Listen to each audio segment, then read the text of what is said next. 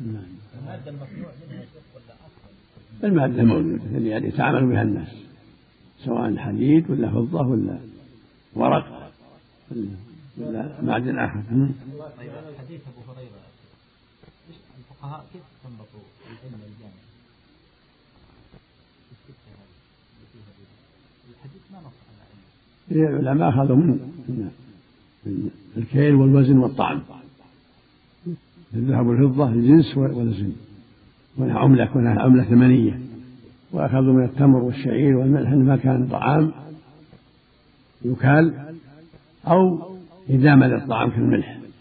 وما أشبهه من أنواع الحبوب التي كإدام. حكمها حكمها. لحديث معمر بن عبد الله في صحيح مسلم. قال الطعام بالطعام مثل مثل قال وكان طعامنا يومين الشعير. فأخذوا من قولها الطعام من جنس الطعام. مثل ما أخذوا أخذوا من الذهب والفضة. مع مراعاة العلة وهي الثمنية في الذهب والفضة. زيادة يعني استعمال ثمن للسلع وقيامة قيمة للسلع. ومراعاة الكيل في التمر والشعير مع مراعاة الطعام. جمعا بين النصوص. ولهذا قالت الظاهرية أنها يقتصر عليها ما في قياس. الظاهرية قالوا يقتصر على الوارد فقط ولا يلحق بالشيء لكن الصواب أنه يلحق بالطعام ما كان مثل يلحق بالبر والتمر الذرة والدخن والأرز كلهم معناه واحد. والراجح من أقوال العلماء فيه. المعللة العلة. نعم. الله إليك يا شيخ. بالنسبة المعلة العلة في الماكيلات الطعام مع الكيل الله إليك يا شيخ. وفي الدراهم. وفي الموزونات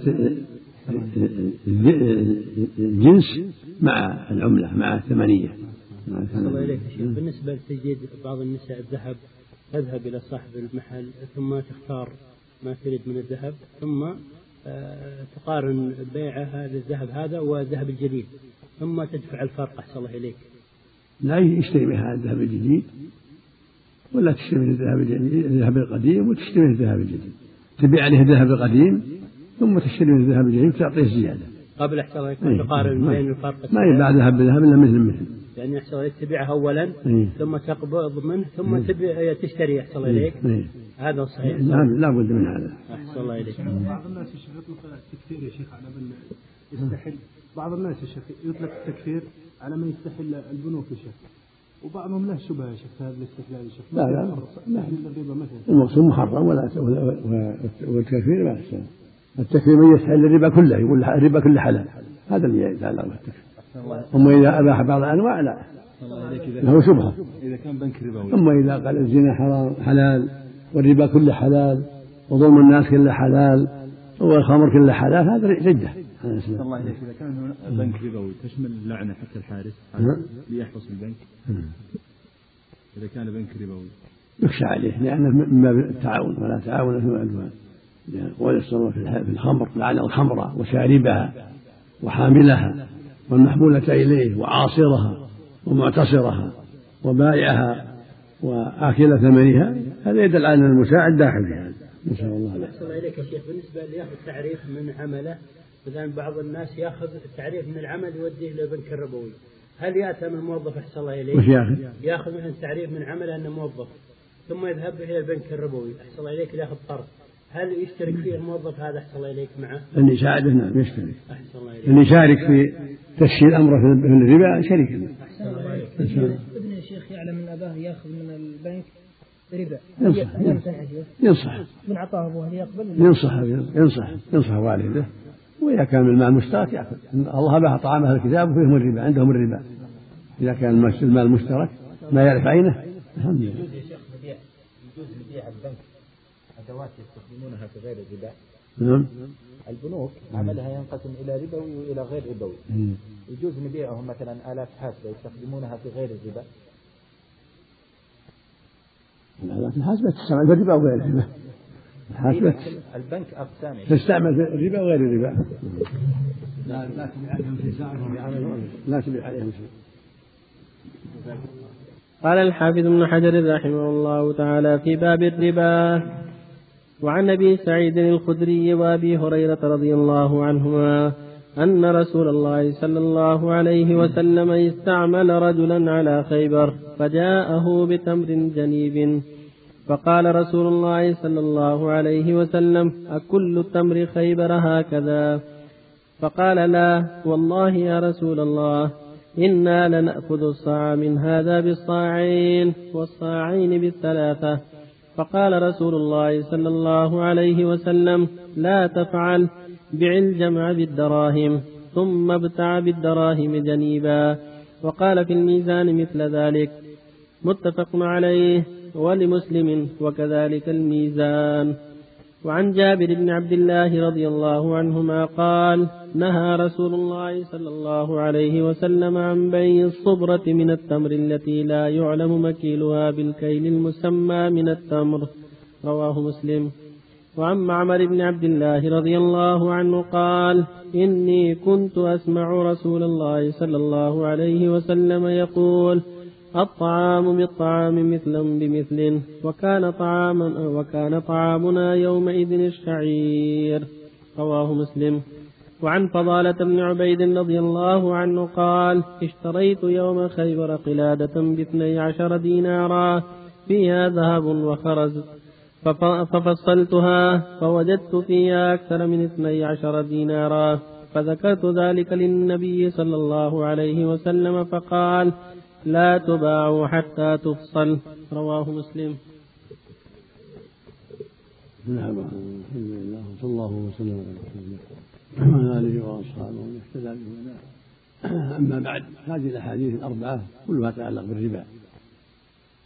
منها حديث أبي هريرة وأبي سعيد الذي فيه النهي عن بيع. الربوي بالربوي إلا مثل منه إلا عند حديث أبي سعيد وأبي هريرة الأول. أبي هريرة وأبي سعيد. الأول أول ما قرأ إيه. أنا لي بعده. إيه.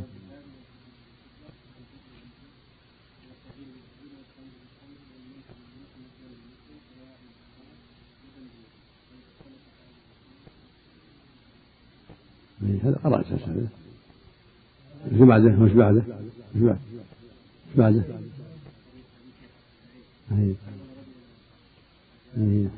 هذا اللي قرأته. هذه لما قرأت أول هذه عبادة وهذه مسائل السابق الليلة الماضية. الليلة الماضية. مسائل الأخيرة نعم. إيه.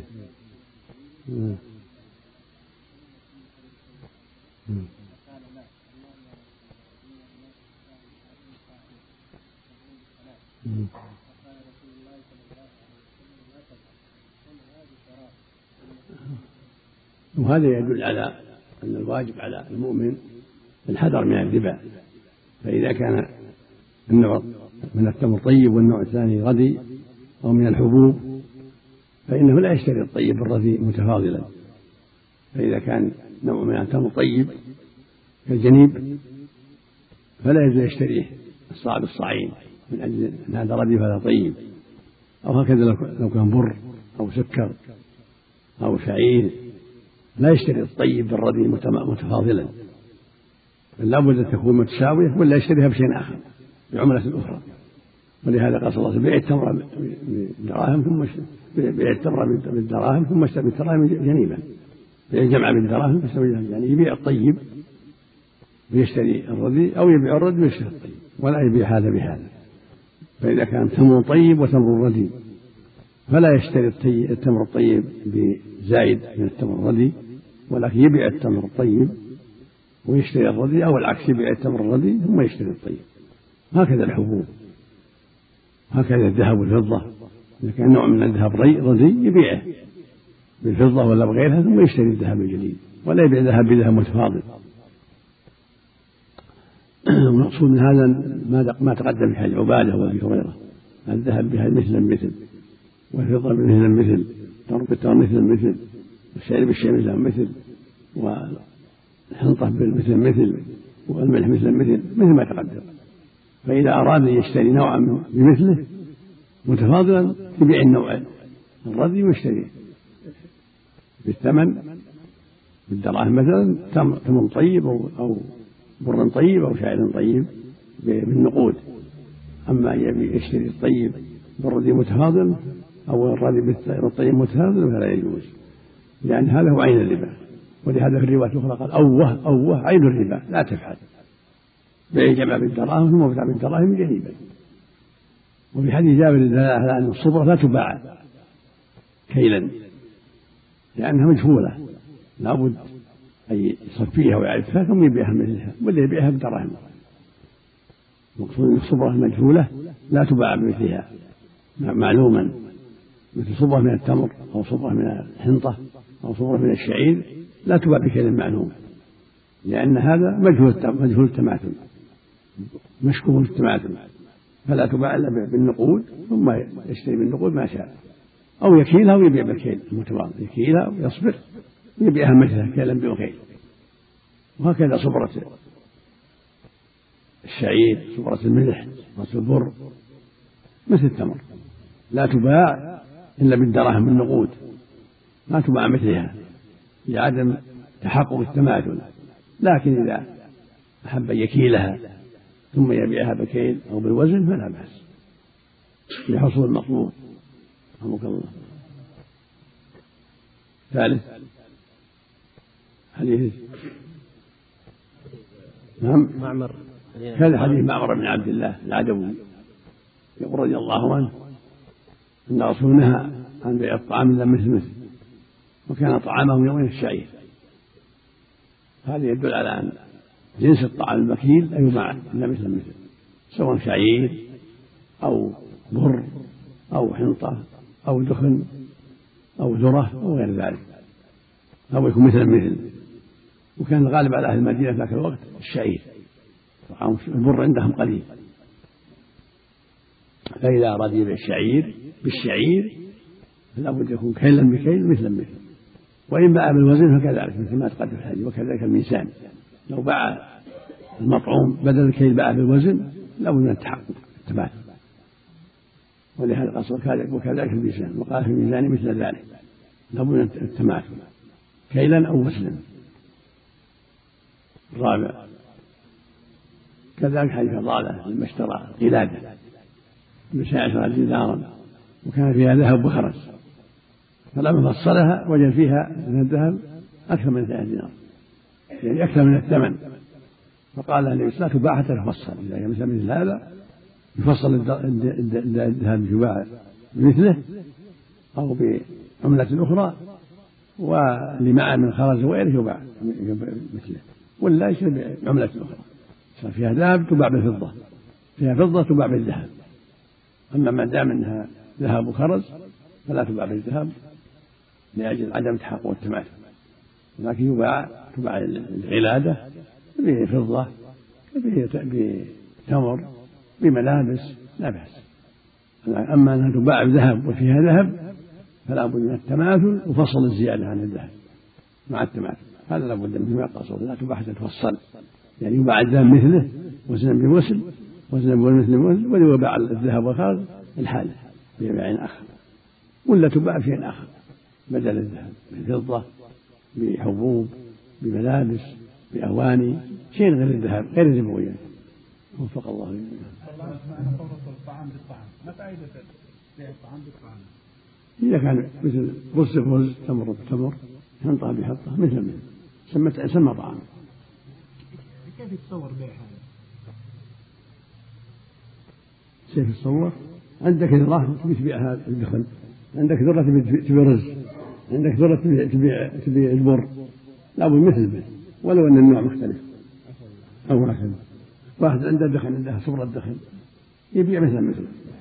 صاع صاع صاعين بصاعين ثلاثة بثلاثة أربعة بأربعة وهكذا. نعم. البر والشاي مثلا يبيع بالدرهم تختلف لا يبيع مثل يبيع بالدرهم واحد يبيع بالدرهم نعم. عند بيع الذهب بالذهب لا تعتبر الصناعة لا لا لا ما تأثر الصناعة لا لابد من الوزن ولو اختلط الصناعة. لا بد يكون وزنا بوزن قيل هذا صناعة طيب هذا صناعة من طيبة. لا تباع إلا وزنا بوزن لا يباع إلا مثل مثل يفصل يفصل.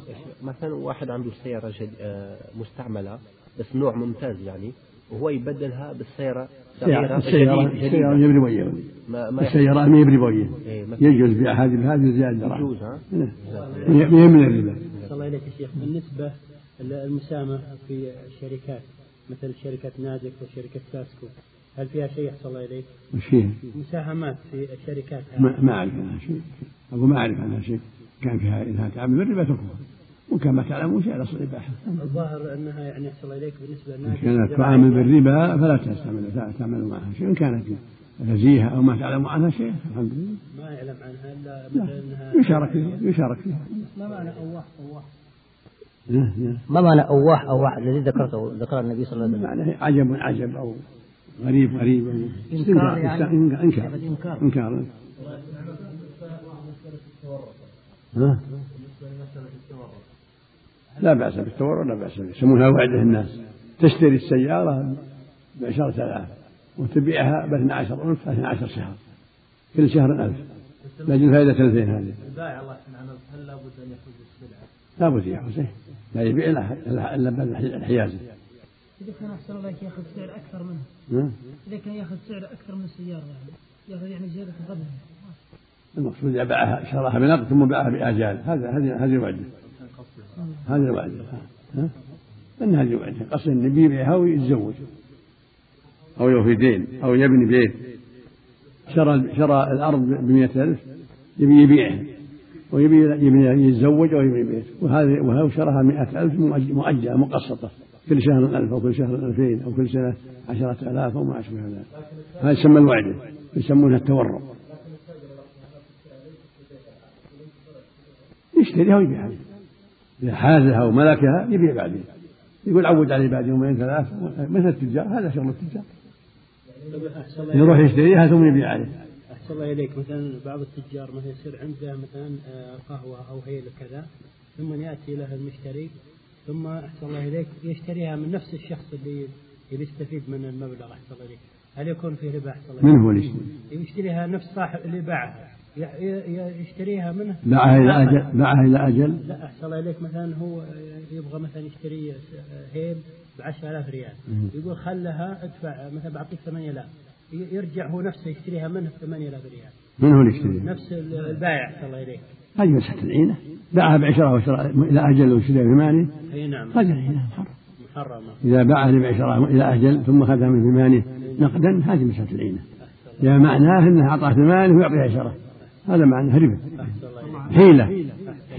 سلعة حيلة. ما كان قصده من أول الأمر يعني ولو ما دام هالشغل هذا قصده. وإن كان من قصده هو وسيلة إلى القصد. عفى الله عنك. الآن يشتري عفى الله عنك السلعة. الآن يشتري السلعة من أجلي عفى الله عنك. وإذا ويلزمني فيها. إذا ما شريت. لا مو مو بلازم. لا بيع إلا بعد ما يملكها. إذا ملكها ثم اتفقتم يلزم البيع أما قبل لا كل بخيار. يعني إذا كان في اتفاق أول ما يجوز. إذا كان ما بعد شرها ما يصح ما يصح الوعيد التحذير معناه الترحيب. لأن كون يسمى شيطان ترحيب. نهاية